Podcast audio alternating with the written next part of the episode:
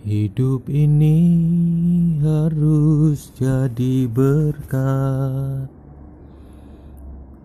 Sebuah lagu yang beberapa waktu yang lalu terkenal dan dinyanyikan di mana-mana. Lalu sejauh mana panggilan saya sebagai bruder menjadi berkat bagi sesama.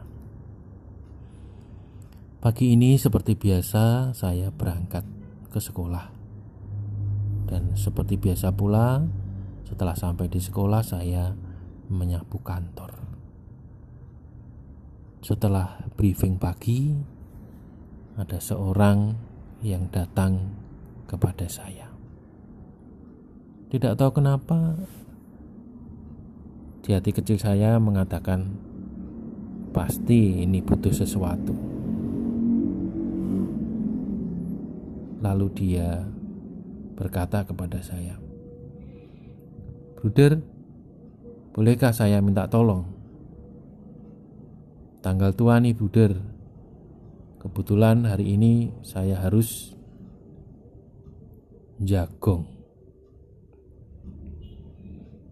Dalam hati kecil saya, saya tersenyum karena apa yang saya pikirkan ternyata benar ketika dia telah menyampaikan apa yang menjadi kebutuhannya. Saya bersyukur bahwa saya juga mempunyai apa yang dia butuhkan, karena kebetulan dia sedang mengerjakan proyek di sekolah, sehingga saya yang mengkoordinir, termasuk yang akan memberi sesuatu padanya. Dengan senang hati pula saya memberikan apa yang dia butuhkan. Saya bersyukur atas pengalaman hari ini.